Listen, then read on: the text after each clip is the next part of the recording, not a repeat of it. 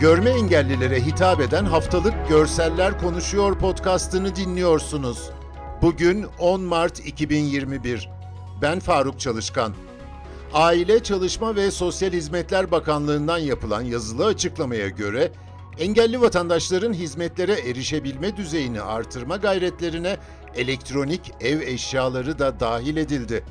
Gelen şikayetler ve talepleri değerlendiren bakanlık, televizyon başta olmak üzere temel bilgi teknolojileriyle ilgili araç ve teçhizatın engelli erişimine uygun donanıma sahip olması, akıllı kumanda ve akıllı televizyonların özellikle görme engellilerin ihtiyaçlarına cevap vermesi için harekete geçti.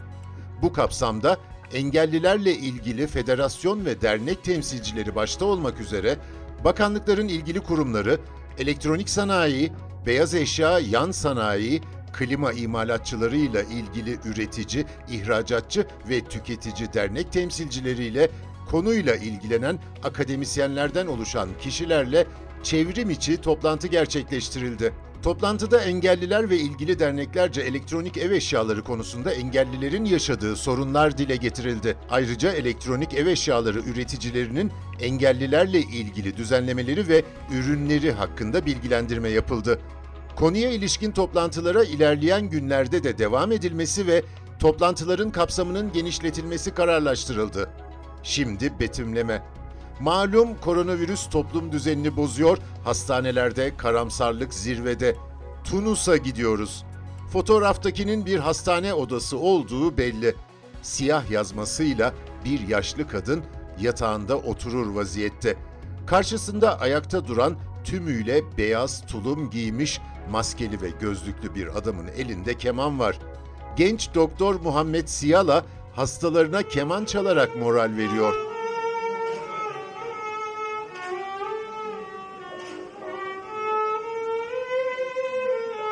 Videoda ise hastane koridorunda elinde kemanla ilerleyen Doktor Siyala'yı görüyoruz. Bir başka odaya giriyor. Orada yatan, saçı dökülmüş yaşlı bir adam var. Onun başucunda keman çalarken onun da bir şeyler mırıldandığını duyuyoruz.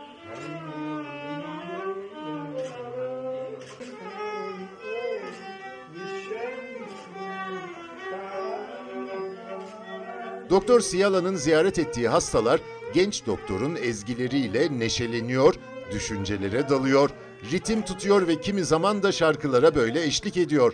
بديت من سن مبكر نتعلم في الموسيقى عزفت على آلة الكمان ثم على آلة الكلارينات والساكسفون والبيانو آه، خدمت عندي Hastalarına uyguladığı müzik terapisi hakkında Doktor Siyala şunları söylüyor.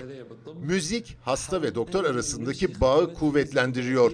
Sosyal mesafenin, bariyerlerin bizi ayırdığı bir dönemde insanları birbirine yaklaştırıyor. Korona hastalarının herhalde sağlıklarına ve psikolojilerine iyi geldiğim için favori doktorları haline geldim.